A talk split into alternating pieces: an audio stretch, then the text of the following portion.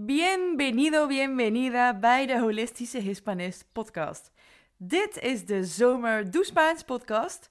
Een soort zomerdoeboek, maar dan in podcastvorm. Voor Spaanse taalleerders die klaar zijn om meer dan un poquito de español te spreken. Wat moet je van jezelf laten zien en hoe kom jij opdagen in je dagelijkse interacties, zodat jij jouw droomleven onder de zon op kunt bouwen tussen de locals? Holistisch Spaans leren, dat is waar ik je mee inspireer in deze podcast. Simpele tips, tools en inspiratie. En ik zet je aan het werk. Venga, vamos!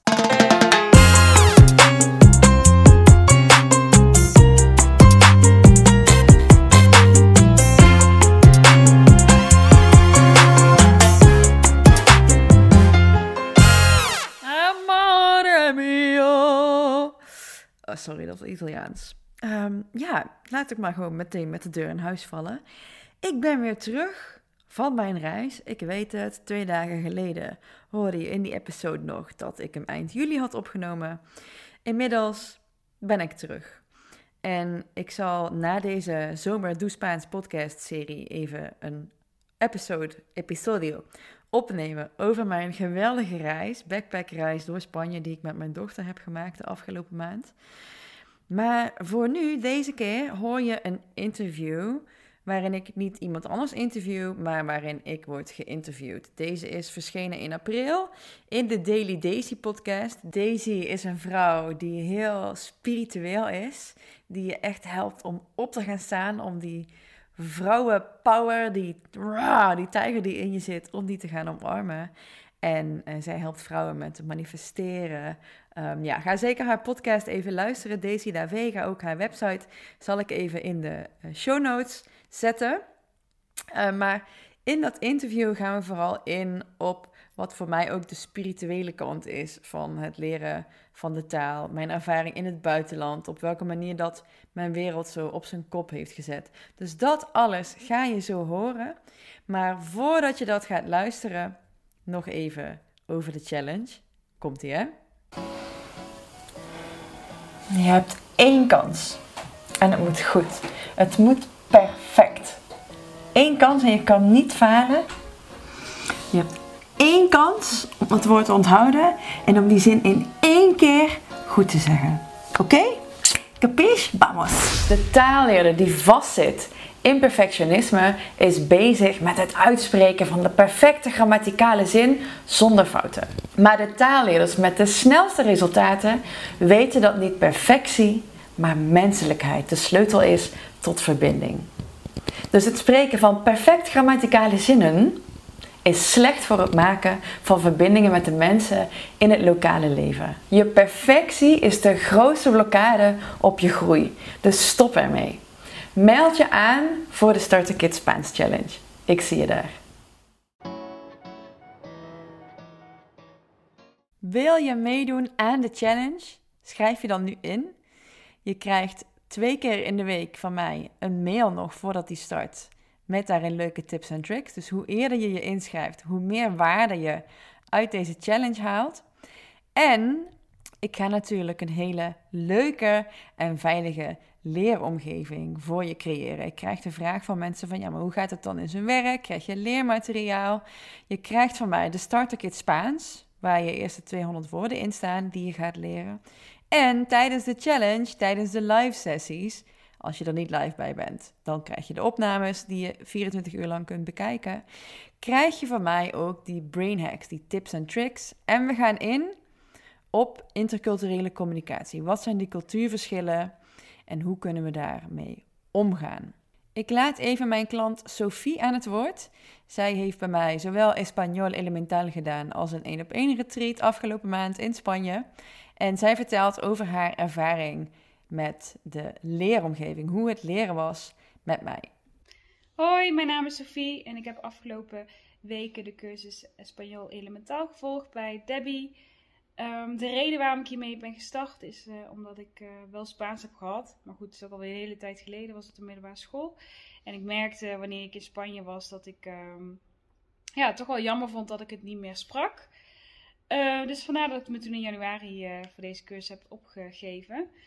Ehm, en het leuke van deze cursus, en waar ik op het begin misschien ook wel een beetje aan moest wennen, is dat ehm, Debbie op een heel andere manier uh, ook wel laat leren. Dus in plaats van wat je tijdens, uh, tenminste wat ik tijdens op school had, dat je echt rijtjes moest leren en echt grammatica um, en het verder bijna niet spreekt, uh, begon zij ook al vrij snel met de uitspraak of met kleine dingetjes zeggen of met gesprekjes, waardoor je op een heel andere manier leert en ook veel minder bang bent om, uh, om dingen misschien verkeerd te zeggen. Uh, dus dat vond ik wel heel erg leuk. Uh, daarnaast um, um, is, zorgt Debbie er ook goed voor dat je gemotiveerd blijft. Dus ze heeft altijd wel leuke tips met hoe je ja, nog beter Spaans kan leren of wat je er allemaal aan kan doen. En ze is heel erg betrokken. Um, stuurt vaak interessante dingen door, ook in de, in de groepsapp. Um, en uh, daarnaast heb je ook wekelijks uh, een aantal filmpjes die je kunt kijken waarin ze steeds nieuwe onderwerpen uitlegt. Um, en het is vrij kleinschalig, als in je, je werkt uh, samen met een, ja, een groep waarmee je dus ook les hebt, één keer in de week.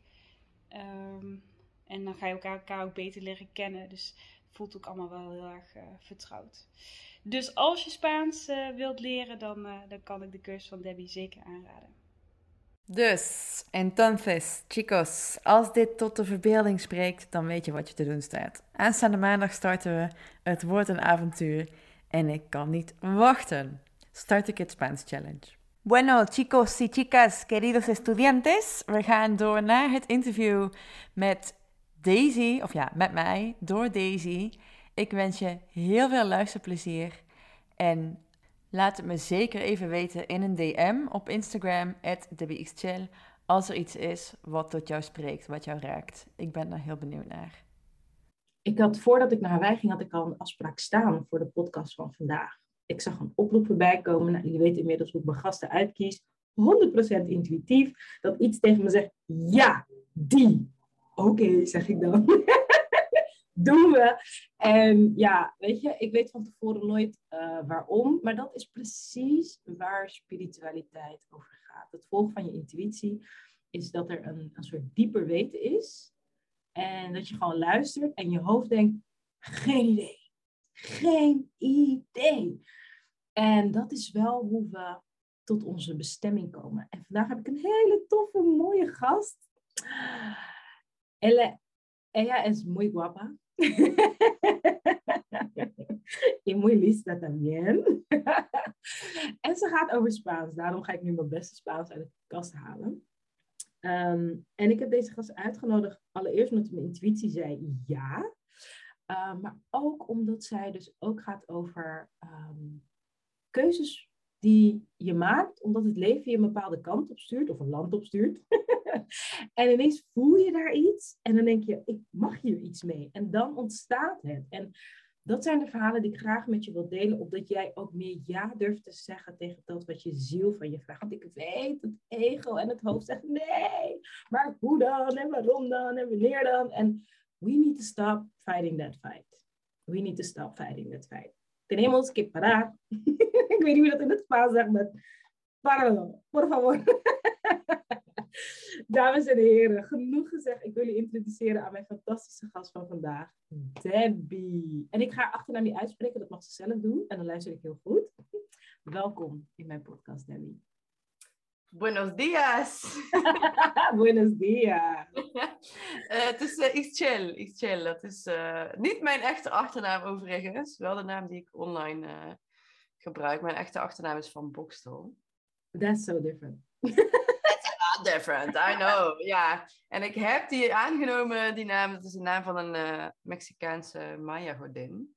Oh. En um, ik, een, een, aantal jaren terug werkte ik uh, in het Engels online. En ik vond Debbie Van Boxtel vond ik zo lelijk klinken.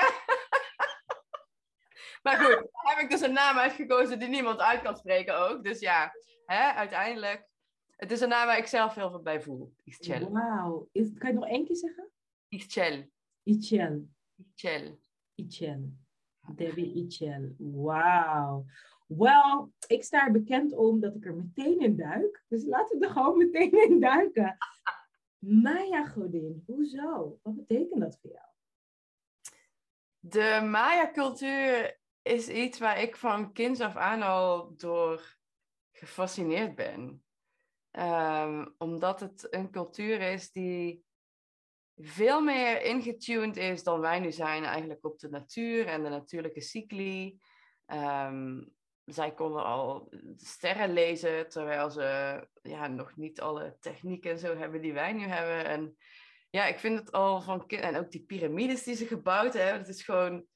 Ja, ik vind dat echt iets, iets wonderlijks eigenlijk, om daarbij stil te staan. Hoe zij in die tijden al uh, dat soort dingen deden. En, dat, en ook, ja, weet je wel, als ik dit zo zeg, dat ik voel van, oh, die audacity om dat te zeggen. Alsof wij zoveel meer geavanceerd zijn. Want dat is eigenlijk helemaal niet zo.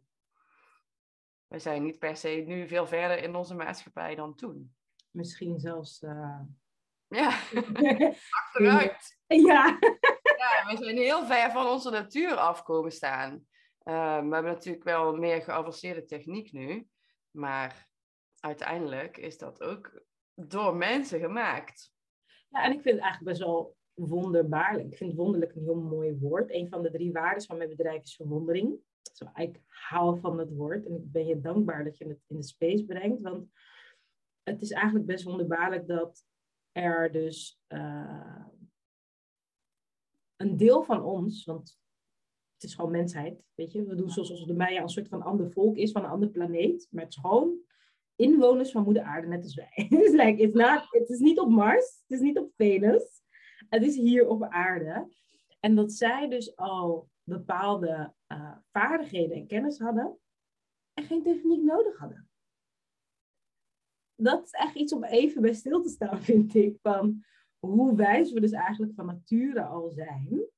Ja. Um, en dat, dat techniek misschien ter ondersteuning is om het, I don't know, simpeler te maken of zo. Maar die, die telepathie en zo, wat er al was, is eigenlijk nu nagebootst. En dan is het soort van, oh my god, wie is zo smart met de technologie?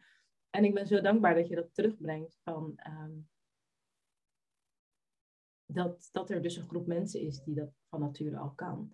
En wat ik heel interessant vind, is like, maar hoezo vond je dat leuk als kind? Like, had je geen Barbies of zo? Barbapapa ja, op tv kijken?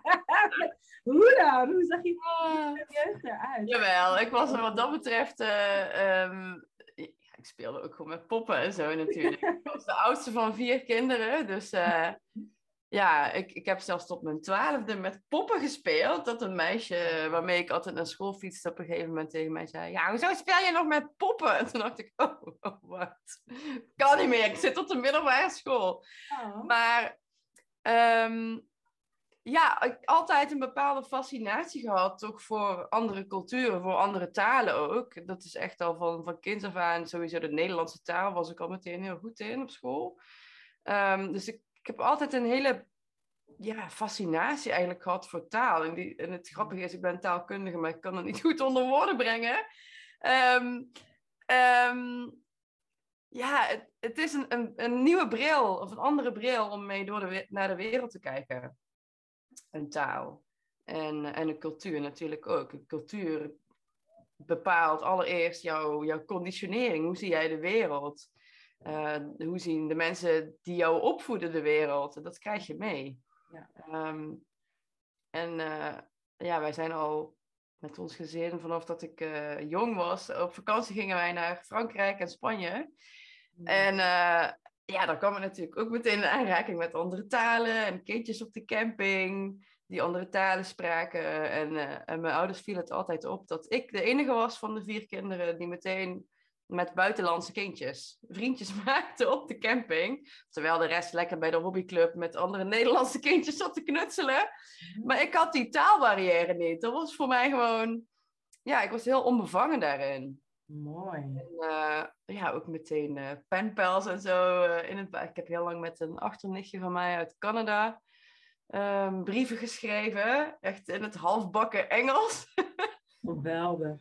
um, ja, ja, dat is echt iets wat toch wel, denk ik, typisch mij is. Ja. Over taal en cultuur. En wat is jullie culturele afkomst thuis? Ik ben hartstikke Brabants. Ja. En mijn ouders ook. Ja. Dat is ook echt een cultuur op zich, hè, Brabant. Het is toch anders als je uit Friesland komt, of uit Rotterdam, of uit like, het oosten. Zo, ja, Brabant is een culturele afkomst. Ja, echt een beetje Burgondisch wel, ja. Ja, Nee. toch. eh, en nou ja, weet je, ik zeg, Nederland is super klein, maar ik merk wel, eh, en nu de afgelopen jaren wel steeds minder, omdat ik zelf hè, ook wat meer gereisd heb en zo. Maar toen ik echt nog heel jong was en dan naar Amsterdam kwam, ja, dan voelde ik me echt een vreemde eend in de buiten. Dat ik dacht, weet je, ik voelde mezelf een toerist in mijn eigen hoofdstad. Ja. Dus eh, ik merk dat wel meteen als ik boven de rivieren kom, dan hangt toch een, een andere, ja, way of life. Nou, het is ook wel, ik geloof oprecht, eh, in Hawaii heb ik dat ook zo sterk gevoeld, is dat elke stad, eigenlijk zelfs deelgemeente, want ik ben ook verhuisd eh, vier jaar geleden naar de andere deelgemeente in Rotterdam. En echt, het is eigenlijk elk stukje grond heeft gewoon een andere energie. Ja. Het heeft echt een andere energie. Dus als jij zegt boven de rivier, wij hebben hier ook een rivier in Rotterdam. En dan zeggen we ook van, nou, je hebt Noord en Zuid, weet je wel. Maar het is gewoon dat we, en dat is weer terug even naar dat wat, wat je over Maya zei, van dat is een soort van natuurlijke weten wat we hebben van hoe voelt Overschie, waar ik woon, hoe voelt Brabant, hoe voelt Nederland, hoe voelt Europa, hoe voelt Amerika, want daar heb ik ook even gechilled op de airport. En, en dat het echt voelbaar is van elk stukje grond, elk stukje aarde heeft een eigen energie. Misschien zelfs een eigen stukje identiteit of zo, weet je wel. En dat jij dus toch al als kind een soort, ik wil het bijna ehm, overstijgend weten had. Van oké, deze kinderen komen misschien uit een ander stukje aarde, but who cares? Like there's still some connection going there. Ehm, en dat het toch wel apart is dat in Amsterdam dat het dan ineens zo anders voelt. Dus dit heeft denk ik heel erg te maken met menselijk contact, als ik het zo hoor. Ja. En dat als je er gewoon fysiek op, op een ander stukje aarde bent, dat je denkt, wat gebeurt hier? wat is dit? Ja, dan moet je je heel bewust ineens van, oh, maar wie ben ik eigenlijk? En hoe kijk ik naar de wereld? Want deze mensen doen het anders. Dus het is eigenlijk heel erg een spiegel naar, ja, naar jezelf. En ehm, in het buitenland voelt het vaak ook veel makkelijker om even alles achter je te laten, omdat je op een compleet ja, nieuw stuk van jezelf beland bent, waar je nog geen, geen geschiedenis hebt gemaakt, waar je nog geen emoties hebt ervaren. Dus je komt als het ware in een soort vortex, waarin je jezelf helemaal opnieuw mag gaan ontdekken. Hmm.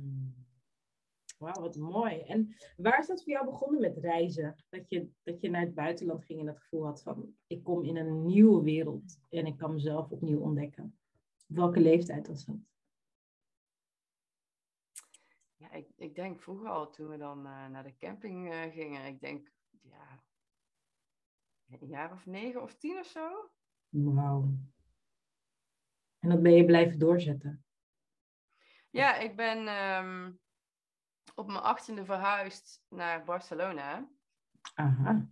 wereldstad. En eh, ja, als een meisje uit een Brabants dorpje met 10.000 inwoners, was dat wel even slikken. Eh, ja, het was wel, was echt even wennen.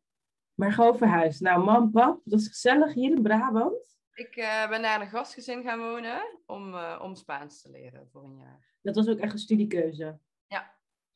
Ja. Wauw. En waar kwam die interesse vandaan? Ik, ehm, ik, ja, ik wilde Spaans leren. Ik had al die jaren al natuurlijk op vakantie geweest in Spanje. En ik had dan wel eh, wel eens her en der een lesje gedaan. Maar op de middelbare school eh, ja, vond ik talen natuurlijk het leukst. maar we hadden geen Spaans. En, eh, en ik had besloten dat ik Spaans wilde gaan studeren. Maar ik ja, kende de taal nog niet. Dus, eh, dus ik dacht, dan ga ik een gap year doen in Spanje. Wauw. ja. ja. En, en dan ging je, want in die tijd, ik weet niet, wanneer was dit? 2000? Oh, dat was best wel internet. Dus dan ga je op zoek naar Spaans leren. En dan zijn er mensen die hun huis beschikbaar stellen of zo. Ehm, ik ging bij eh, IF Barcelona. Die hebben over heel de wereld talenscholen zitten. Mhm. En ehm, ik, weet niet meer. Volgens mij ben ik eh, via een of andere beurs bij terechtgekomen. Zo ging dat eh, toen.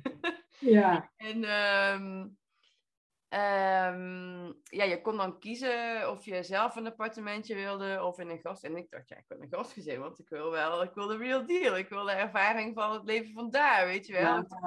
Die mensen leven.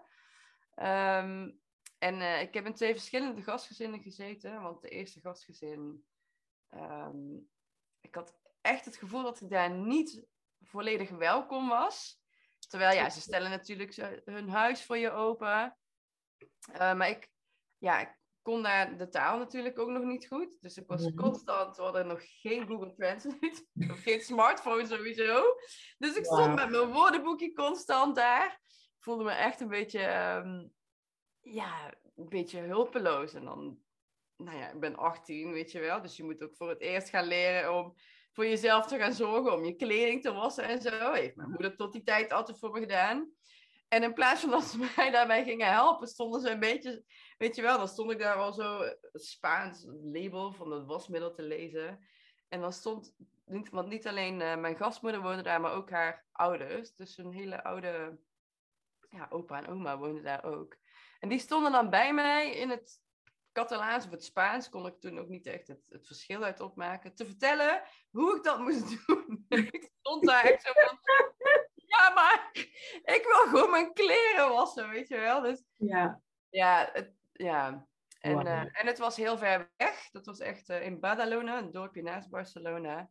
Dus eh, ik kon ook niet op stap gaan met mijn klasgenootjes, want er reden geen metro s'nachts. En uiteindelijk ben ik toen naar een ander gastgezin gegaan. En dat was echt ja, een warm welkom. Mijn, eh, mijn gastmoeder daar, die maakte voor ons om half negen s'avonds al eten, zodat wij niet eh, tot tien, elf uur s'avonds moesten gaan wachten, zoals ze daar Ja. vaak laat eten. Ja.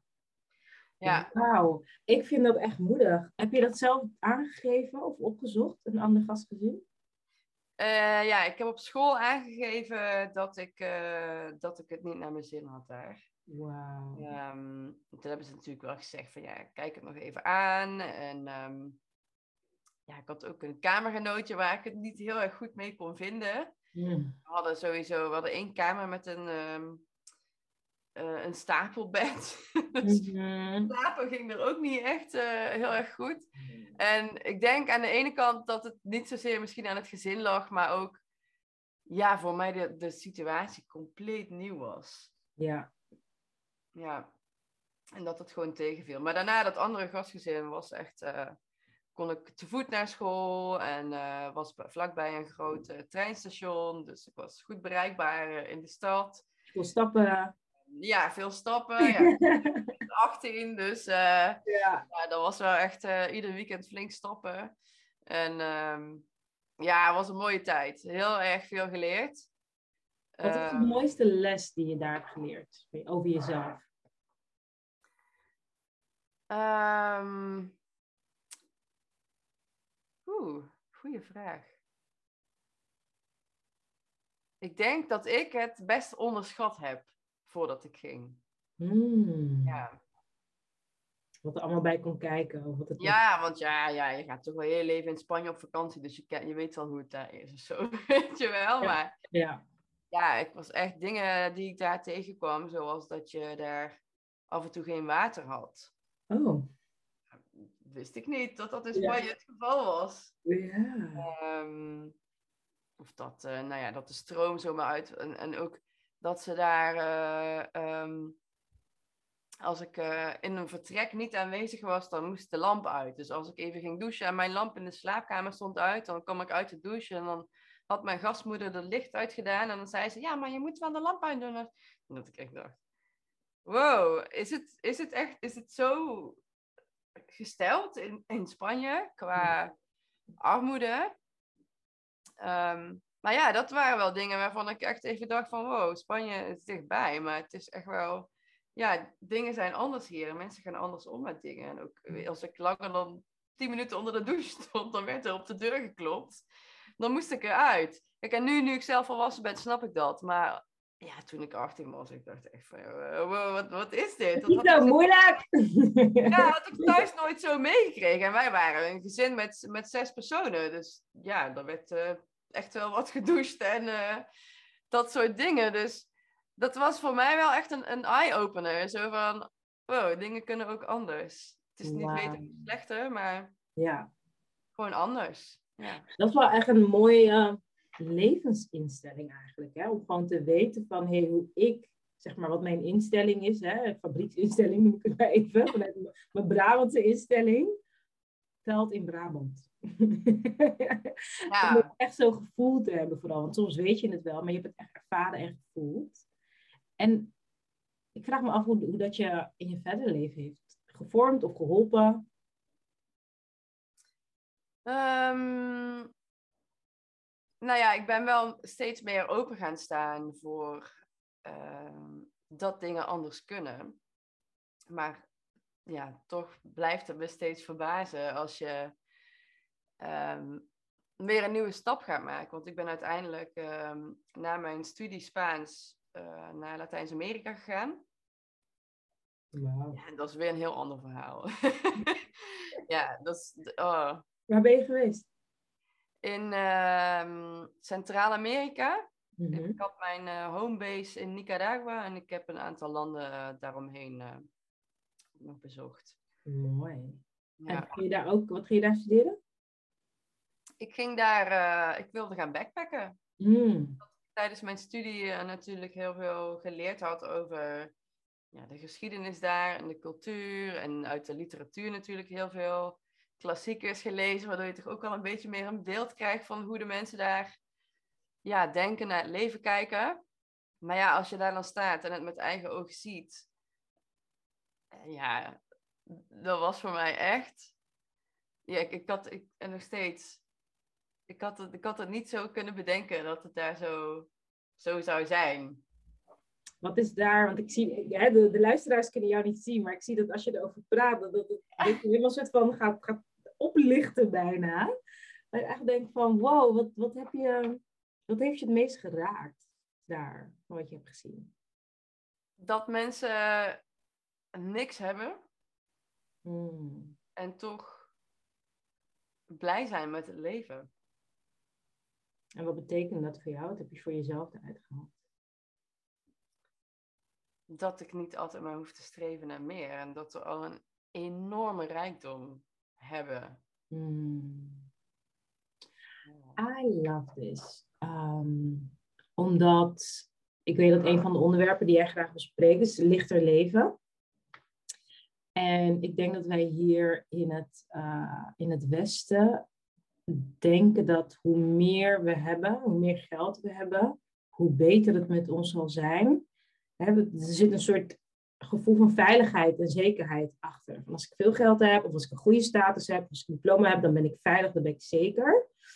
En dat hoe jij het nu brengt, en ik herken dit wel, is dat eh, dat streven je het juist zwaarder maakt. Want dan zit je eigenlijk continu, en dat is weer vanuit de of attraction, dan zit je continu in, in niet, goed, niet genoeg. Ik ben er nog niet, ik heb nog niet genoeg. Ik moet nog meer vergaren voordat ik veilig ben. En wat ik hoor, wat ik ook een beetje voel van wat je, wat je brengt eigenlijk als je, hè, als je daarover praat, is eh, tevredenheid met wat is. En het beste maken eh, met dat wat er is. Ja, Klopt dat? ja ik, eh, ik krijg twee dingen nu door waar ik het over wil hebben. Ik kan me nog herinneren, ik, ik in Nicaragua, ik zou drie maanden gaan backpacken. Uiteindelijk ben ik een jaar blijven plakken. familie gemaild, ik ga hier wonen. Eh, vond ik, zo, ik heb ze gemaild omdat ik niet durfde te bellen. Ik vond het zo eng om, om dat besluit te maken. Dat ik dacht, ik ga niet bellen, want ik heb deze keuze nu gemaakt. En ik ben bang als ik weerstand krijg, dat ik dan toch ga. Mijn familie vond het heel lastig. Weer zo'n moedige keuze. Vrouw. Dat ik zo ver weg was in een, ja, in een best wel arm en gevaarlijk land. Ehm, en ik had daar dan een baantje als serveerster in een pizzeria. Ehm, hartstikke illegaal natuurlijk. De- maar ja, hè, dat maakt daar allemaal niet uit. Ehm, en ik weet nog dat ik aan tafel zat met Gairo. En Gairo, die eh, was de, de pizzabakker daar. Hele lieve, mooie, zachtaardige jongen. Hij was een stukje jonger dan ik en hij zei tegen mij: Waarom ben jij hier als je in Europa kan leven? Mm. hij zei, wij hebben, we hebben hier helemaal niks. En toen heb ik echt aan hem uitgelegd van, weet je, de dingen waar ik hier zo van geniet in Nicaragua, is, ik kan mijn kleding wassen op een wasbord met de hand. Oh, wow. Ik veeg mijn vloer in plaats van dat ik om stof, want er is zoveel stof daar en een stofzuiger heb je niks, dan kun je elke week een nieuw stofzuiger kopen. Ehm, ehm, ja, dat soort dingetjes. Al die dingen waar wij hier techniek voor hebben, een stofzuiger, een wasmachine, een afwasmachine, dat doe je daar allemaal nog met de hand. Mhm. En dat neemt veel meer tijd en aandacht van je in beslag. Maar daardoor had ik wel het idee dat ik een veel geaarder ehm, leven daar had. Ja. En hij zei echt, hij zei, wow, zo had ik er nog nooit naar gekeken. Hij zei, ik dacht echt dat wij hier, dat wij hier niks hebben. Ik had niet gedacht dat dat, ja. Ik, en toen zei ik ook tegen hem van, wij zijn zo altijd maar aan het streven naar meer efficiëntie. En we moeten meer tijd hebben. En inderdaad, ze zeggen in eh, Latijns-Amerika, wij hebben tijd, jullie hebben geld. Hmm, dat wist ik niet. Ken ik nog niet. Ja, maar met dat geld koop je die tijd niet terug. Ook al kun je een wasmachine aan. Want als jouw kleding in een wasmachine zit, dan ga je werken. dus hoe meer tijd je vrijmaakt, hoe meer tijd je weer gaat bezetten met nuttig zijn, met streven, met productief zijn. Ja. Terwijl juist je kleding wassen, als je dat met aandacht en liefde kunt doen, ja, dat is toch geweldig. De kleding waarin jij iedere dag jezelf mooi maakt, waarin je Ja. jezelf vult. Dat, dat is dus echt een soort van not done in, in de tijdperk waarin wij leven. Weet je wel, dat, dat echt van, wat? Waarom zou ik mijn kleren zelf willen wassen? Gewoon like, hè? Wat? Is gewoon like, dat, dat, dat, nee, dat is niet sexy. Dat is, nee, nee, nee. Weet je, gewoon weerstand. Ja. Eh, omdat we natuurlijk ook zo geprogrammeerd zijn, hè? Ja. Dat, dat, ehm, wie weet, voor een luisteraar die luistert, opent het iets. In ieder geval om te openen van eh, dat het anders kan. Uh, maar vooral de rust ook weer ermee. Van de Ik het ook, hè. Ik was ook mijn kleding hier gewoon in de wasmachine, want je stapt meteen weer terug in je oude patroon natuurlijk. Mhm.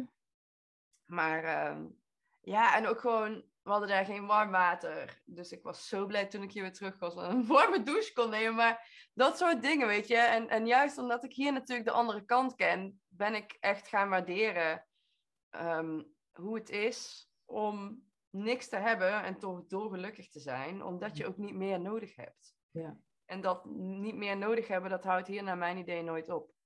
En het tweede ding wat in me opkwam, is dat ik dit weekend vier dagen lang mijn huis heb opgeruimd. Met hulp. en ik heb 35 kilo aan papier weggegooid. What? Dagboeken, uitgeprinte cursussen. Eh, ja, noem maar op. En nog zes zakken kleding en, eh, en vijf zakken met allerlei prolaria. Ehm, wat, mij dat inzicht, wat mij als inzicht heeft gegeven, is die rijkdom, die, waar jij het net ook over had, hè, die diploma en al die cursussen, dat ik dacht, oh nee, dan ga ik mijn cursus weg dan kan ik nooit meer iets opzoeken. Maar alles staat sowieso online. Plus, die doos die stond hier al twee jaar te verstoffen. En het neemt alleen maar energetische ruimte in beslag. Je hebt die spullen niet nodig. Die spullen die zijn de representatie van de rijkdom die jij al in je hebt. En die zwaarte mag je loslaten. Oeh, Debbie, je raakt iets aan. Je raakt iets aan, je raakt iets aan. Echt, oh my god, ontspullen en onthechten. Ja. Oeh, ik heb ehm, in 2008 in Abu Dhabi gewoond, een jaar. En ik had een kamertje gehuurd, net drie weken of zo. En dat was me echt zo'n grote stap. Want ik had besloten, ik ga mijn bedrijf hier beginnen. Ik zie mijn toekomst voor me. Ik ga het doen. Ik huur een kamertje en alles komt goed. Na drie weken kom ik thuis. Of nee, ik kwam in de straat en er was brandweer in de straat, helemaal afgezet. En het enige wat ik zag is vlammen en rook. En ik dacht, nee, mijn schoenen, mijn laptop, mijn kleding. en ze dachten, die, oh my god. Dus daar, dat was mijn verdriet, mijn spullen. En ik dacht, serieus Daisy, je denkt niet, het is zaterdagmiddag. Je had gewoon daar een dutje kunnen doen. Uh, maar gelukkig was ik gedreven en had ik een meeting. Weet je wel, was ik niet thuis. Maar het eerste wat ik dacht was mijn spullen, mijn schoenen. En ik dacht, wat de piep. En uh, in, in, het was in die weken dat ik ook bezig was met een nieuwe aarde uh, van Eckhart Tolle. Wat heel erg ging over het onthechten. En, en dat ego graag identificeert met spullen of met rollen.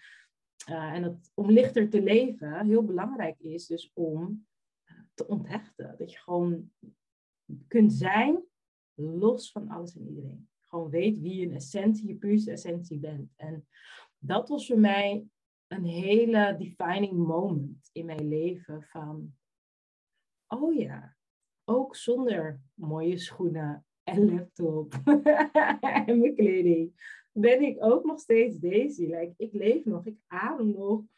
Ik had gelukkig mijn paspoort bij me, dus toen dacht ik ook nog gewoon naar huis, weet je wel. Dus ergens nog wel een stukje identiteit aan, dat, aan die Nederlandse paspoort. Dat was voor mij echt een gelukkig heb ik dat nog. Ik kan in ieder geval altijd naar huis.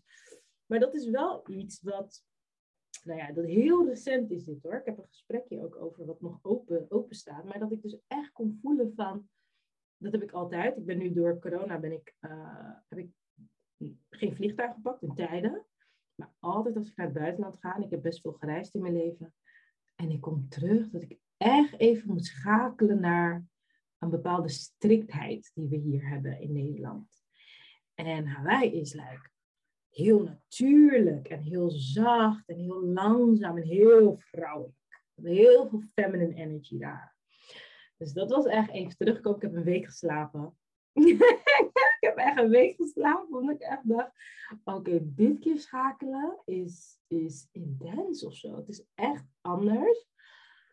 En toen hadden we dus daar een gesprek over, over hè, wat waardeer je dan in Nederland? En uh, um, ik voelde ook een bepaalde boosheid naar Nederland. Ik nog niet kon plaatsen. Ik denk, nou, dan ga ik opstellen. Ik heb vaak opstelling gedaan met betrekking tot Nederland en Capverdi bijvoorbeeld, waar mijn roots liggen. Oh, wat gaaf. Ja, ja, dat is echt vaker naar boven gekomen. Dus er is nu wel weer iets. En ik denk, kijk, mijn ziel heeft gekozen om in Nederland geboren te worden. Dus ik heb hier iets te doen. Um, maar ik voelde hem wel weer. En nu jij dit zo um, deelt, komt dit ook wel weer in de, weet je, naar boven. Van, ja, ergens geeft het hem ook wel de veiligheid van, ja, maar ik heb wel nog mijn paspoort. Maar ik ben ook op een spiritueel pad waarbij het gaat over onthechten. En dat die paspoort wel echt een dingetje is. Weet je wel? Like, hmm. Dus ik denk, ik ga gewoon even delen uh, voor het delen. Maar daar zit wel een bepaalde gelaagdheid en, en onderzoeksrichting waar ik nu in zit. Ja. Ja, ik snap het. Want ik, um, wij, wij als Nederlanders mogen bijna overal gewoon naar binnen. Ja. Terwijl, uh, nou bijvoorbeeld Nicaragua heb ik heel veel contacten. Daar, uh, je moet overal een visa voor aanvragen. En, en dat soort dingen, ja, dat, dat, raakt mij. Uh, dat raakt mij. Het voelt zo. We worden eigenlijk al vanaf onze geboorte bestempeld met.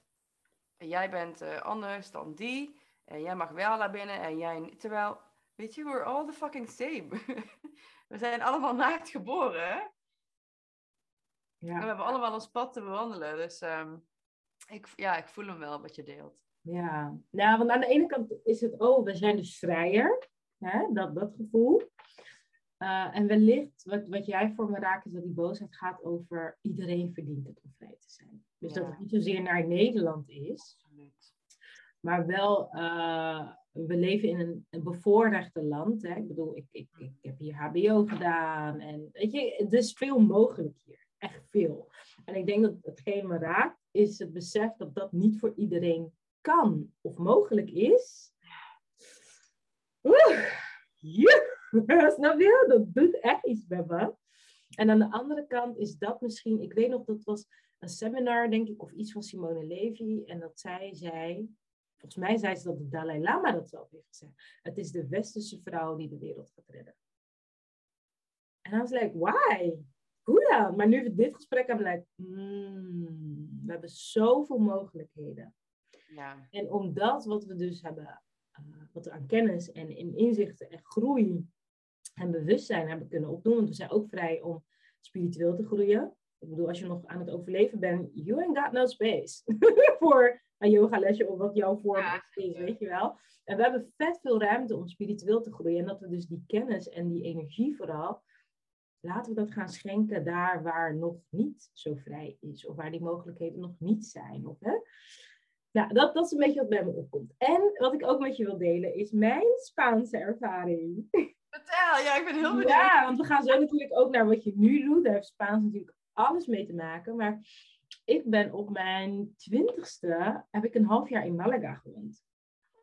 Oh, Ik heb, ja, ik heb internationale communicatiemanagement gestudeerd. En onderdeel daarvan was dus ook eh, in het buitenland studeren. Dus ik heb in, eh, in Malaga een half jaar gewoond en ook Spaanse les gehad. En aan de Universiteit van Malaga in het Spaans les gehad. Nou, echt hilarisch. Dus ik zit daar als de brave student, als ik er was, want ik was vooral het clubben. en ik zit daar en die man begint te praten. En hij zegt, abre comillas. En ik schrijf op, abre comillas. En mensen gingen me uitlachen. Ik denk, nou, wat is zo grappig. Maar dat betekent dus openen van haakjes, weet je. En ik dacht, oh ja, wist ik veel. Nou, heb ik ook weer geleerd, weet je wel. En, maar het was echt zo waanzinnig om op je twintigste überhaupt, als jong meisje, weet je wel. Wij zijn van de bijcultuur bij elkaar. En ik ga naar mijn twintigste lekker in Spanje. Maar zoveel geleerd over mezelf. En ehm, eigenlijk wat jij ook zei van, hè, ben jij dus, jouw, les, jouw les was eh, mezelf onderschatten. Voor mij was het eigenlijk dat ook, maar in de, zeg maar, in, in de opzicht van, oh my god, ik kan dit. Ik onderschat mezelf, want ik kan gewoon mezelf redden in, aan de andere kant van Europa. Voor mij was dat van de wereld destijds, weet je wel. Like, ik kan dit, ik kan dit. En ik ben er goed in en ik ben sociaal en ik kan eten, ik kan eten maken. Ik, ik kan dit. Dus ik kwam erachter dat ik mezelf heel erg onderschatte. Tot waar ik toe ik in staat was, zeg maar. Ehm, maar veel gefeest en eigenlijk te veel, want ik kon daardoor, uh, had ik niet allemaal punten. Dus ik ben later ook teruggegaan naar Spanje om naar een docent te gaan zeggen, mag ik alsjeblieft nog een opdracht doen? Want dan kan ik mijn punten halen en dan kan ik nog afstuderen. Oké. Okay. Een, uh, een, uh, een opdracht doen was PR, wat ik daar had gestudeerd. En dan moest ik een reclamecampagne schrijven in het Spaans voor een reep chocola. Ik vond dat fantastisch. Ik vond het zo leuk. En ik had ook een relatie daar, dus ja, dat, dat speelde natuurlijk ook wel een rol, dat ik vaak terugging. En ik heb mijn scriptie ook geschreven voor Malaga. Van, uh, zij wilde destijds, was in 2007 was het inmiddels, hadden zij, uh, want 2004 heb ik daar gewoond, dus tot 2007 ging ik op en af daar naartoe. En toen heb ik een uh, scriptie geschreven over hoe kunnen zij de burgers erbij betrekken om de Europese hoofdstad te worden. De culturele Europese hoofdstad wilden ze worden. Uh, maar daar had je wel je burgers bij nodig. Dat de citizens zeggen, ja, wij willen dit. Weet je wel? Dus ik ging daar een communicatieplan voor uitschrijven. In de bus enquêtes afnemen en zo. Weet je? En, nou, ik kreeg dus bij mijn afstuderen een extra punt. Omdat ik dus helemaal in Malaga mijn uh, scriptie ben gaan doen. Ik al die moeite heb gedaan om mensen op straat weet je, te, te interviewen en zo. En zeg, meeste mensen zoeken gewoon een bedrijf van mijn oom. En ik uh, ga daar gewoon een, weet je, jij gaat, like, you went all the way. Dus toen kreeg ik een 8 in plaats van een 7. En dat vond ik wel echt heel bijzonder. En ik hoor jou ook, en, en het spiegelt mij in, dat je soms bepaalde moedige keuzes durft te maken. Die je dan vormt. Uh, maar ook qua bewustzijn en qua openheid naar andere culturen, andere invalshoeken. En dat reizen daar dus eigenlijk best een groot onderdeel van is geweest. Bij ons allebei. Definitely. Ja, dat, dat heeft allereerst mijn, mijn ogen geopend voor, voor de andere culturen. En, en daadwerkelijk beleven dat het anders kan. En is in sommige plaatsen. Ja. In de meeste plaatsen. Ja. ja. dat je als je buiten je eigen bubbeltje stapt, um, dan word je geconfronteerd met dat dingen niet gaan zoals jij gewend bent. En, um, en ja, dat is een spiegel. En dat is niet altijd makkelijk. Mm -mm. Ja. Dat wou ik net zeggen, want um, wat denk jij dat uh, mensen ervan weerhoudt om buiten hun comfortzone te gaan? Ja, er zijn zoveel redenen om te blijven zitten waar je zit. maar ja, ja. En ik ken het zelf ook, hè, want ik wil heel lang met mijn dochtertje op reis. Dus als ik dan even mezelf als voorbeeld pak nu, dan is het uh, ja, financiën, uh, leerplicht, mijn huis. Ja, en ik spreek heel veel mensen. Um, ik, ik omring me graag met mensen die me dan ter inspiratie dienen. En die Mhm. zeggen ook van ja, maar ja, ga dan gewoon. En van daaruit ga je de volgende stap wel maken. Dus we zitten allereerst vast in het, ja, maar hoe dan? Hoe? Hè, dat is heel Nederlands ook, naar mijn idee. Van we moeten eerst alles helemaal vastleggen in een soort van contract. En dan weten we hoe het gaat. Maar ja, als het dan anders loopt, you're fucked, weet je wel? En not in the good way. Eh, want dan voel je jezelf, ja, oh, mijn plannen valt in duigen. Terwijl als je gewoon besluit, ik wil gaan, waarom? Het is iets wat mijn leven ehm, vervult, wat me blij maakt, die verwondering. ehm, wat me meer verbinding gaat geven ook met mezelf. Dan wordt het makkelijker om de stap te maken en dan gaat de hoe vanzelf. Wauw. Oké, dit even. Deze moet echt even binnen. Deze komt echt binnen. Omdat dit voor mij een soort van als antwoord voelt op mijn vraag: waarom ben ik in Nederland geboren? Dus die ga ik echt even terugluisteren. Like, oeh, die kwam echt binnen. Maar ik ben ook een beetje verbaasd. Ik denk, is dat iets Nederlands? Want ik heb het vaker gehoord. Hè? Ik weet nog dat ehm, er was een groepje hier uit Zuid-Afrika. We hadden een, een, een uitwisseling. En zij waren hier. En toen zei ze ook van ehm, hoe verbazingwekkend ze het vond. Van alles is zo strikt. Weet je, die striktheid weer. Weet je, ze zegt alles is hier zo strikt. En ze zegt zelfs, ze zegt, nou, we going out for dancing. En ze dacht, nou, nu gaan de heupen los hoor. Ze zegt, en dan gaat iedereen op een stoel zitten en alleen hun hoofden ging bewegen. En ze dacht, maar waar is die losgaan dan? Waar is die losgaan? Alleen die hoofden gingen een beetje en af en toe werd er geklapt. Your body's not moving. Weet je?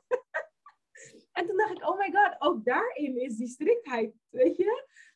Maar ik hoorde het jou zeggen en dan ben ik, oké, kan je daar, hoe zie jij dat? Hoe zie jij dat, dat je dat zo zegt? Ik denk dat wij een cultuur hebben die heel risicoberekenend is. Oef. En dat is ergens goed natuurlijk, want daardoor is Nederland een heel veilig land. Ja. We Ja. dekken onszelf graag in. En daarom wonen wij in een land waar je gerust s'avonds tien uur op straat kan lopen zonder dat je daar per se bang moet zijn dat je overvallen wordt. Uitzonderingen natuurlijk daar gelaten. Maar over het algemeen zijn we als vrouw in Nederland veilig. Ja. Ja. Ehm,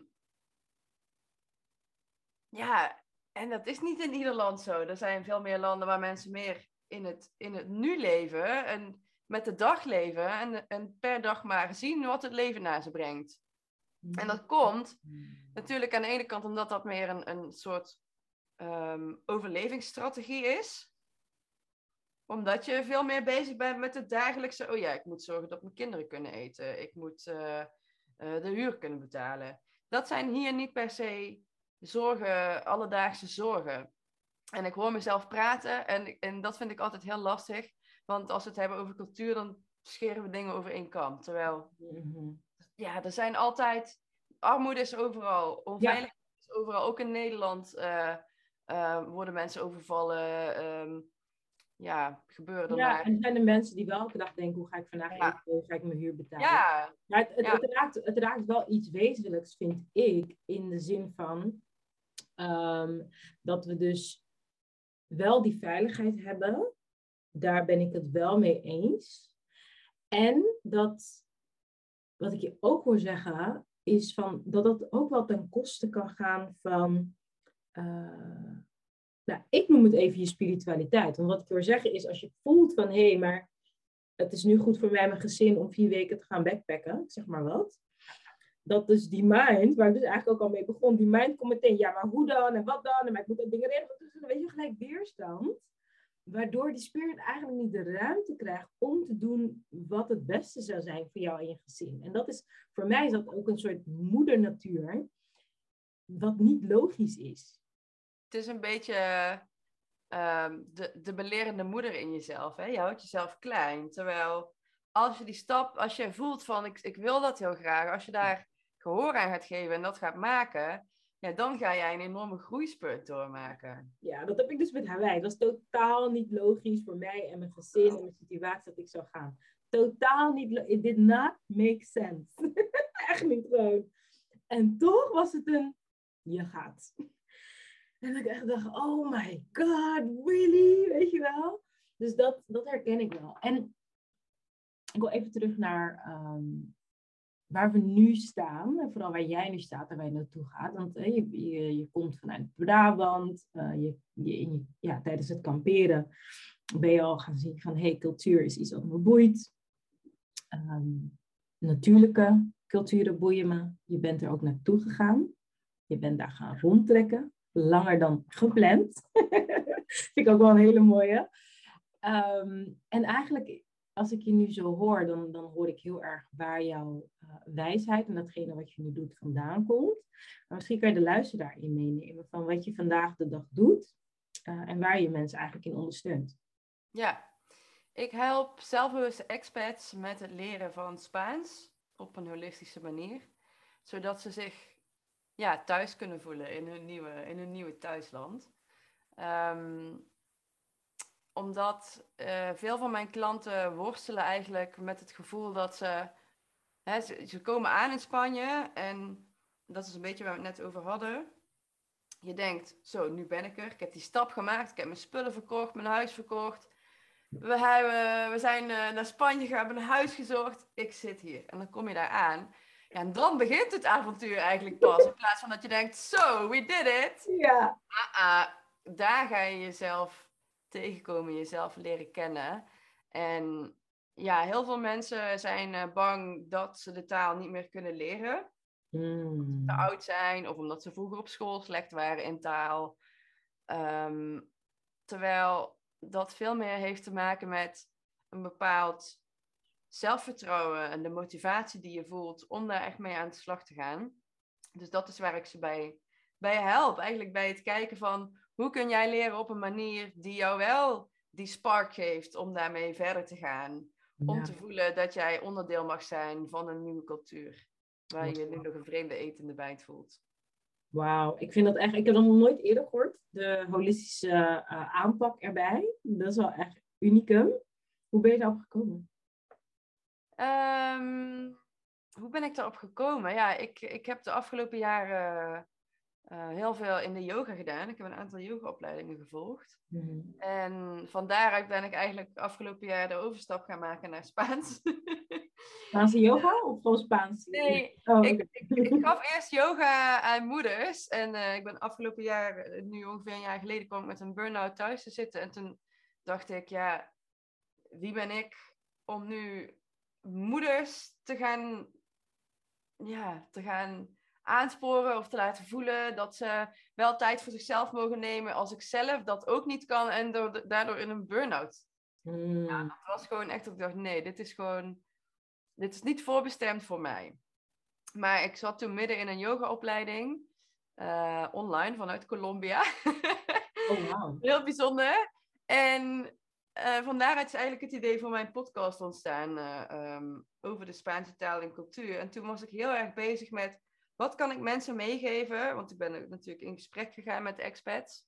Ehm, en dan waren er een aantal bij die zeiden, ja, ik woon al drie jaar hier en ik kan de taal nog steeds niet. En ik voel me dan zo, ja, hoezo kan je dat nog steeds niet na drie jaar? Hoezo kun je nog steeds niet een praatje maken met de mensen uit het dorp?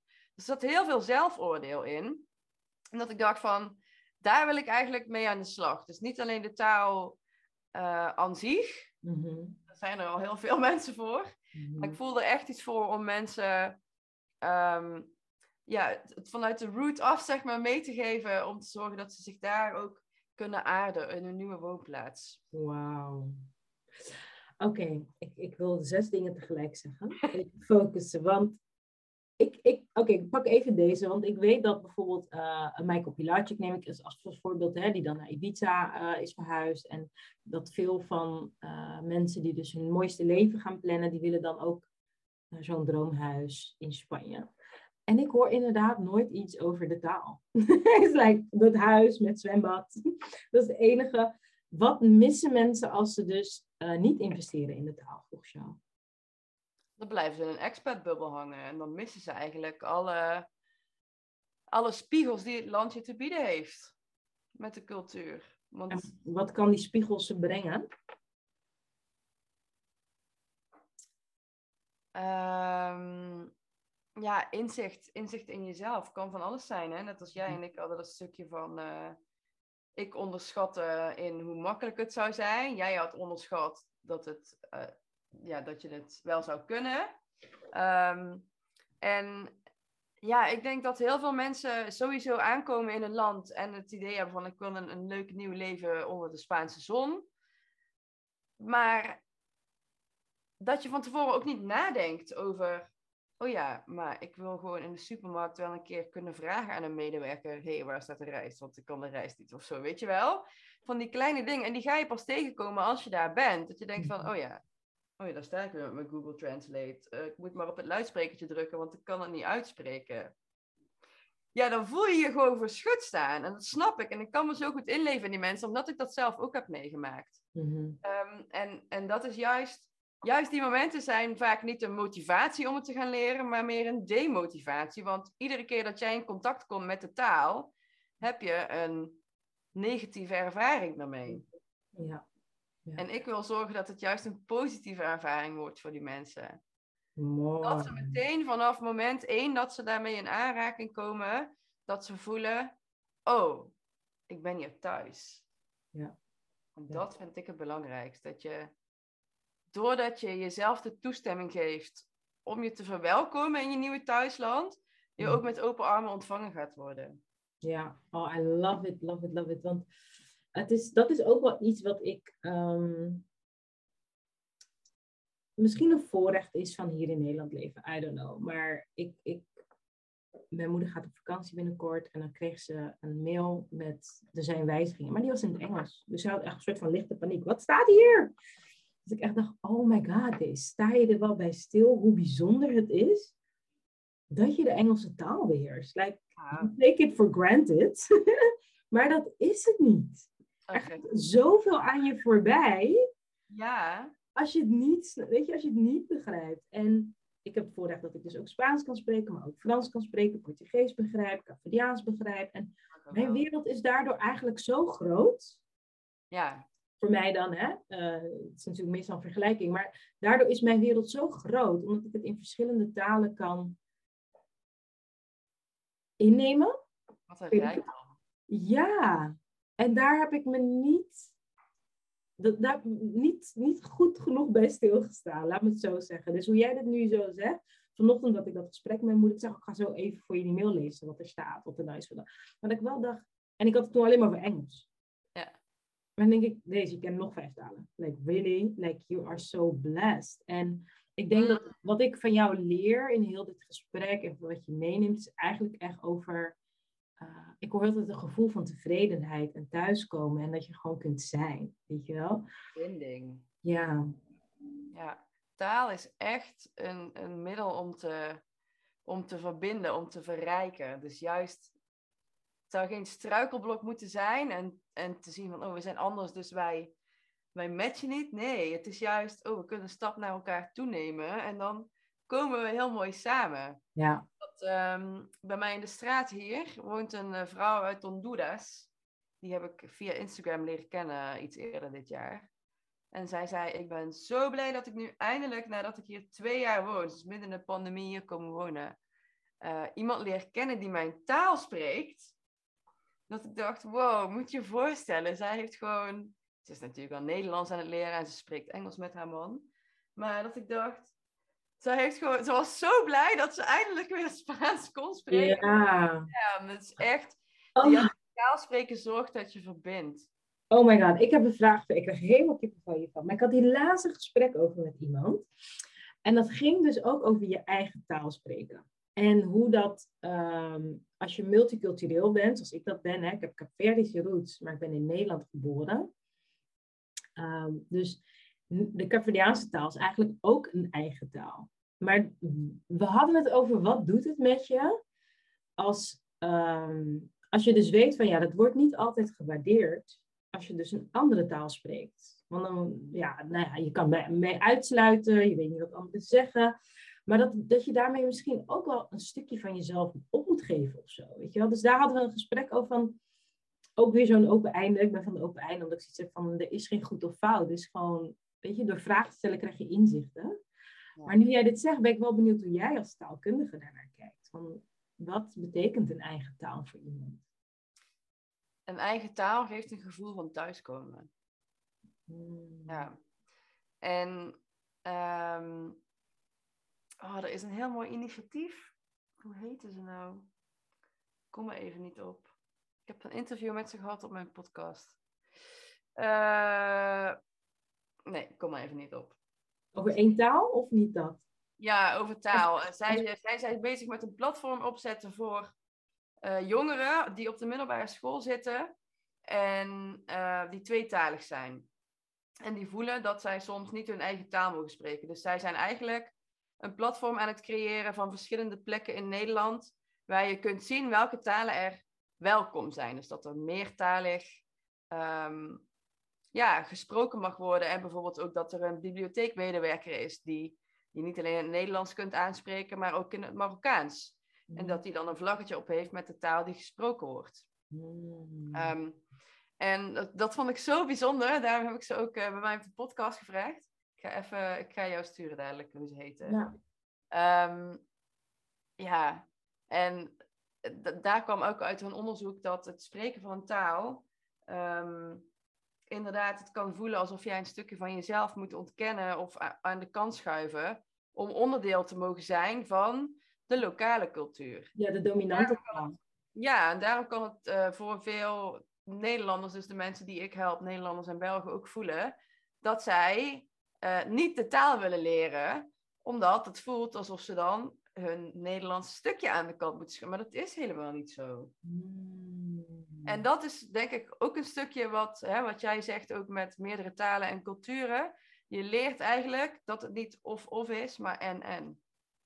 Dat is wel echt een belangrijke, omdat ehm, wat je zegt, hè, dat dat vanuit nu het perspectief wat je nu geeft, is als Nederlanders naar Spanje gaan, dan denken, nou, maar ik wil mijn Nederland zijn niet opgeven.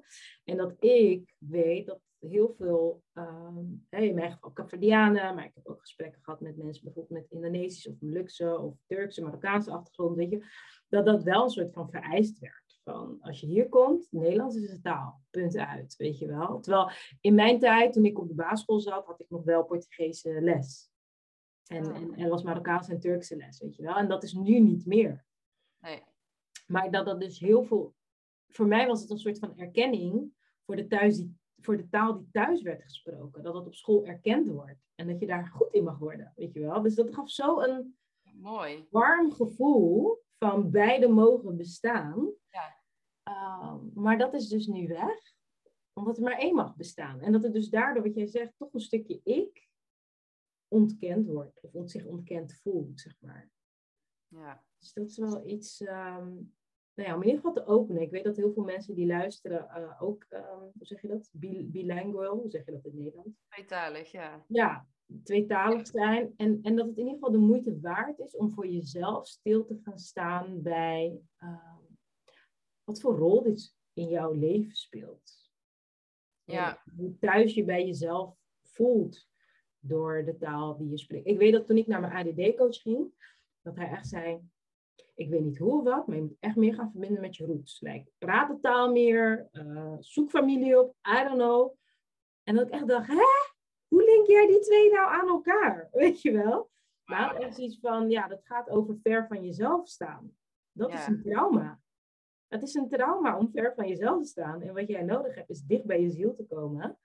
En hij had het dus gelinkt aan taal en cultuur. Dat ik echt dacht, nu valt het kwartje. Like, hoezo zei hij dat eigenlijk? I don't get it, weet je wel? En wat heeft het je gebracht uiteindelijk? Ehm, ik heb het gevoel dat ik meer weer dichter bij Daisy ben. Wie Daisy echt is, weet je wel. En daar hoort Caverdiaans praten bij. Caverdiaans dansen hoort daarbij. Uh, maar ook mijn Caverdiaans sprekende uh, nichten en familie. En, en dat is natuurlijk, ik bedoel, twee jaar pandemie. Hè? Ik heb ze weinig gezien, we hebben weinig gedanst. Uh, dus dat heeft echt wel invloed gehad. Um, en vroeger ging ik vaak naar Caverdiaanse feestjes. Doe ik ook niet meer. Ik luister de muziek niet meer, weet je wel dat. En dat is iets wat heel langzaam maar zeker chips away your identity. Ja, ik, ik, heb, nog, ik heb een week Engels gepraat, dus ik zit even nog een beetje in mijn Engelse modus. Maar het, het, hoe zei je het? Die, dat je die culturele, culturele ik ga ook Engels, culturele heritage eigenlijk moet beschermen. Ja, Ja. ja, ja. En dat zit hem in zoveel dingen. Hmm. Ehm, mijn kinderen zijn Nederlands, Indonesisch en Capverdiaans. Uh, en dat het dus aan mij als een Capverdiaanse vrouw in huis is om ze mee te geven wat bij dat deel van hun hoort. Maar ook om te gaan zoeken wat hoort bij een Indonesische deel. Want daar heeft mijn man ook niet heel veel contact mee. En dat heeft natuurlijk ook weer invloed op. Nou, dus het is, het is zoveel. En we staan daar niet altijd bij stil. En ik heb uh, Diana Matinahoru, daar heb ik ook een podcast mee opgenomen. Ja, ik zeg tegen haar, jij bent de autoriteit hierop. Like, jij weet dit, jij bestempelt dit, jij maakt dit bespreekbaar. Ik ben zoveel bewuster geworden sinds zij in mijn leven is gekomen. Um, en zij heeft dus als leven met twee culturen pijn doet. En waar ik dus niet bewust van werd, is dat je dus onbewust één van die twee culturen dus weg moet stoppen. En ja. dat dat dus pijn doet. Omdat je succesvol wilt zijn in de maatschappij. Um, of dat je succesvol wilt zijn bij die cultuur. En, de, nou, de, de. en ik vind het zo mooi dat jij heel specifiek voor uh, taal staat. Maar ook echt in de space brengt wat taal doet. Ja, oh ja. ja, en ik vind het bijzonder om dit gesprek te hebben. Mijn dochter is dus half Nicaraguaans. Uh, maar haar vader is niet in beeld. Dus ik ik voel me heel verantwoordelijk om toch dat deel van haar naar haar toe te brengen. Maar ze is daar zelf nog niet zo uh, bewust van. Dus ze wil ook geen Spaans leren en zo. Oké, okay. hoe oud is je dochter? Uh, sorry? Hoe oud is ze? Uh, bijna zes. Mm, mooi. Ja, dus ja, gaat nog wel komen. Maar ja. probeer het wel inderdaad... ja, de, ba de banden te bewaren met, met het land. En, en het een beetje op die manier bij haar te brengen. Mooi. En die taal spreek je ook? Ja, is ook Spaans. Oh, dat is ook Spaans, oké. Okay. Ja, ja. Het is niet verschillend per land, de Spaans. Uh, ja, je hebt wel wat verschillen qua woorden en uitspraak. Maar okay. over het algemeen... Uh... Ik werd in het begin wel uitgelachen toen ik daar aankwam. Toen sprak ik natuurlijk hartstikke Spaans uit Spanje. Ja. Uh, ja, inmiddels klink ik 100% Nika. oh, wat goed. Fijn. Oh, maar dat is wel mooi, want dan spreek je gewoon de taal ook van je dochter. Ja, ja zeker. Oh, bijzonder. Oké, okay, voordat we gaan afsluiten, volgens mij zijn we al bijna een uur bezig. Ik ben wel benieuwd of je met de luisteraar wat hacks kan delen. Want misschien luisteren mensen en zeggen, ik wil best wel Spaans, maar het is moeilijk. Het duurt lang. Weet ik veel wat voor overtuigingen mm. mensen allemaal hebben. En ik weet dat jij heel erg gaat over ook de, de, mentale stuk, breinstuk. Ja. Brain hacks. Dus uh, heb je er één of twee, ik weet niet, die je kan delen van hoe het makkelijker wordt om Spaans te leren? Ja, dat heb ik zeker. Um, je kunt als je bang bent om überhaupt te spreken met een vreemde, um, vind ik het altijd leuk. Ik hou ook challenges uh, binnen mijn programma. Om bijvoorbeeld eens te zeggen, ik ga buiten mijn comfortzone en dat kan zijn dat je tegen jezelf zegt: Ik ga uh, vandaag één persoon op straat aanspreken en vragen: Weet je hoe laat het is? ja, ja. um, maar het kan ook zijn dat je zegt: Ik ga de hele week mijn tanden poetsen met mijn linkerhand, of met mijn, in ieder geval de hand waar je het normaal niet mee doet. Of aan de andere kant van het bed. Zodat je even jezelf er bewust van maakt van: Oh ja, ik ben buiten mijn comfortzone aan het stappen. En dat kan met hele kleine dingen die je in je dagelijkse gewoonte zitten, door Ja. die om te gooien. Ja. Uh, een andere hele praktische tip is uh, als je de uitspraak wilt oefenen, kun je op Google Translate dus op de uh, luidspreker klikken. En je kunt hem ook inspreken. Oh, Dus als jij bij Google Translate het woord inspreekt en hij begrijpt wat jij zegt, ja, dan heb je de uitspraak te pakken. Geweldig. Dat is echt een goeie. I love that. I love that. En vertel eens wat meer over je programma's. Als mensen denken, oké, ik heb een droom. Later als ik groot ben, Wilke Strandhuis in Malaga. En uh, hoe kan jij ze helpen? Wat bied je allemaal aan? Ik um, heb een programma waarbij je op eigen tempo de lessen kunt doorlopen. Ehm, dus je krijgt dan eh, iedere week heb je een module met een, een brain hack, waarin ik je dus een, een tip geef over hoe je kunt leren. En dan hebben we zowel de mechanische als de meesterschapsdoelen. De mechanische doelen is heel technisch, uitspraak, zinsvolgorde, grammatica. Mhm. En uh, anderzijds, de meesterschapsdoelen zijn in wat voor soort gesprekken ga je dat toepassen. Ja. Dus ga je kennis maken met iemand? Ga je bij iemand, word je uitgenodigd om te eten? Of ga je misschien uiteten? Mhm. Moet je de weg vragen of pak je een taxi? Ehm, en dan krijg je 13 weken lang ehm, dat soort, eh, die soort modules. Mhm. En een wekelijkse call met mij eh, in een groepsverband, waarin je je vragen mag stellen. En dan krijg je levenslang toegang toe.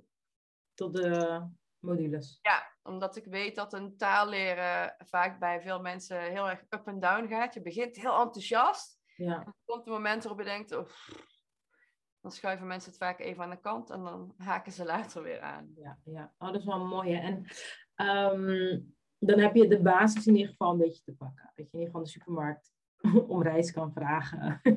de tijd, de tijd kan vragen, eh, de weg kan vragen. Ja, het is echt voor, voor beginners. Ja. Ehm, dus je gaat in de, beginnen bij de basis met eh, elkaar begroeten en de uitspraak. Mhm. En uiteindelijk kun je inderdaad eh, ja, de weg wijzen, weg wijzen en vinden in de stad, eh, in de supermarkten, wat vragen stellen. Mhm. Ehm, en er zit een hele leuke community bij. Er zijn klanten van mij die elkaar aan het opzoeken zijn in Spanje. En eh, ja, heel bijzonder. Echt superleuk.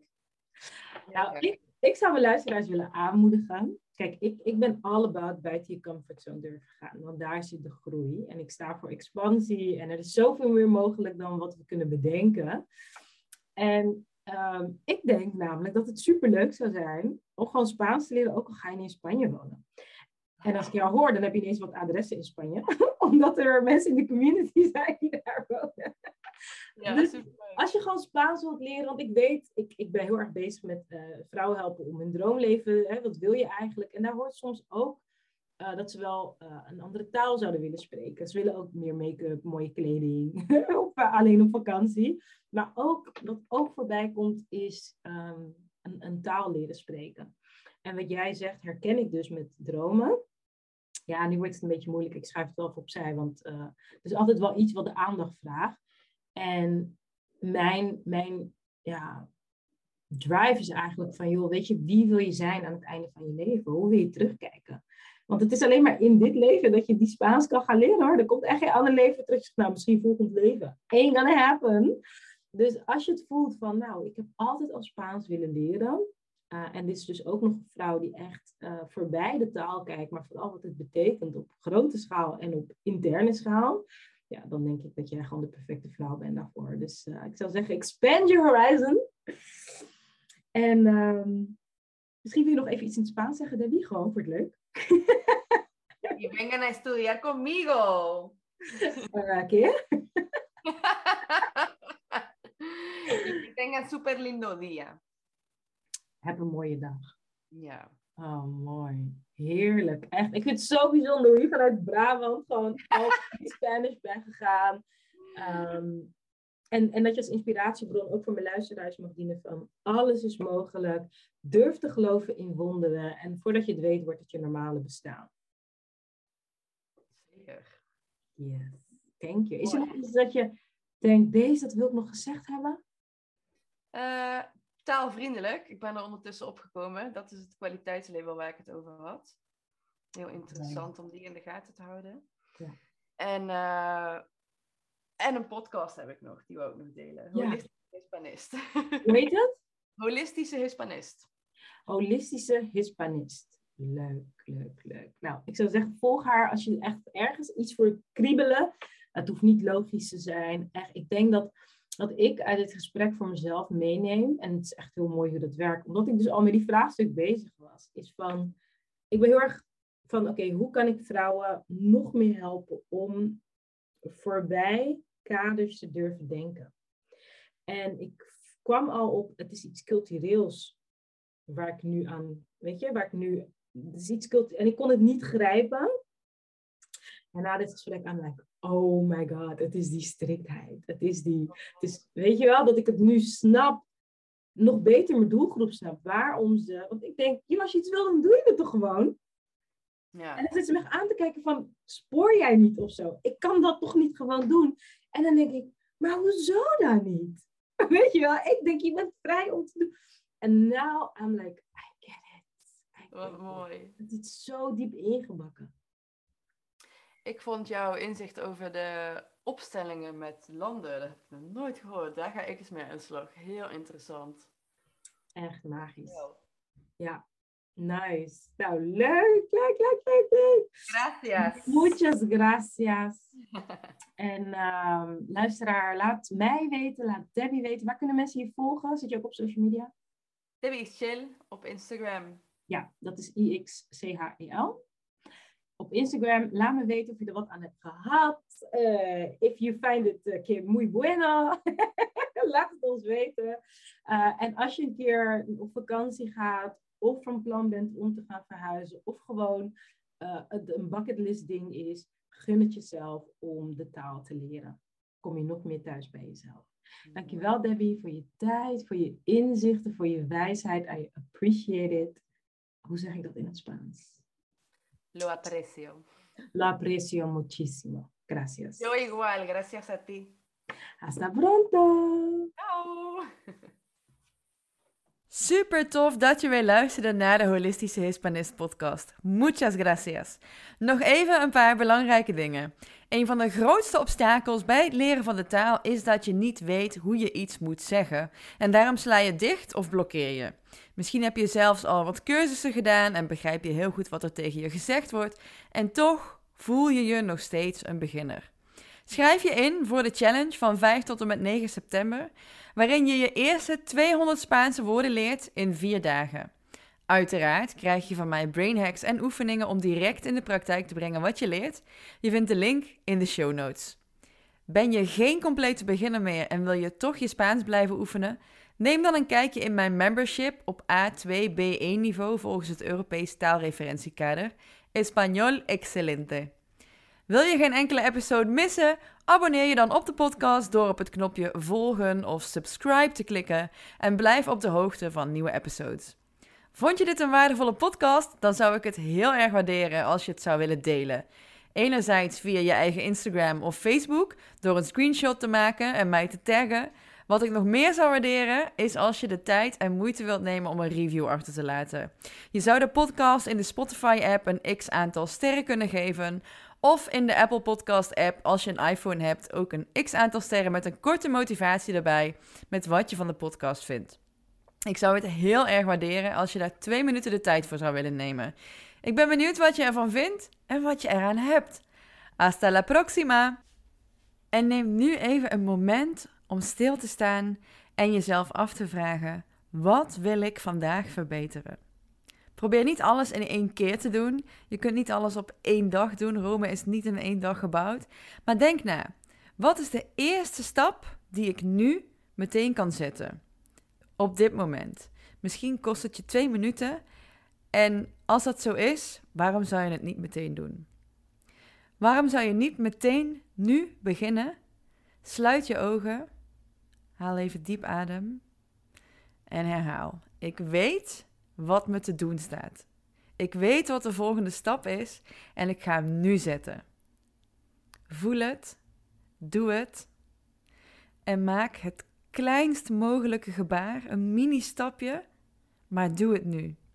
Jouw persoonlijke groei, je netwerk vergroten, je relaties verdiepen, iets nieuws leren, een nieuwe techniek toepassen die je helpt. Maar het helpt alleen als je het ook gaat doen en er niet alleen over na blijft denken. Denken heeft geen zin als je het niet gaat doen. Onthoud dit geheime ingrediënt. Jouw gedrag, hoe jij komt opdagen in jouw dagelijkse interacties, is het geheime ingrediënt. Jij zendt een bepaalde energie uit. Als je met een glimlach de straat oploopt, gaan de mensen dat opmerken. Als je zonder glimlach de straat oploopt, gaan de mensen dat ook opmerken. De wereld ligt aan je voeten, de mensen wachten op je, dus ga naar buiten. Zet je beste beentje voor, met een grote glimlach. Ga je beste leven leven en wacht niet tot het aankomt waaien. Geef het beste van jezelf en dan strekt de dag zich voor je uit.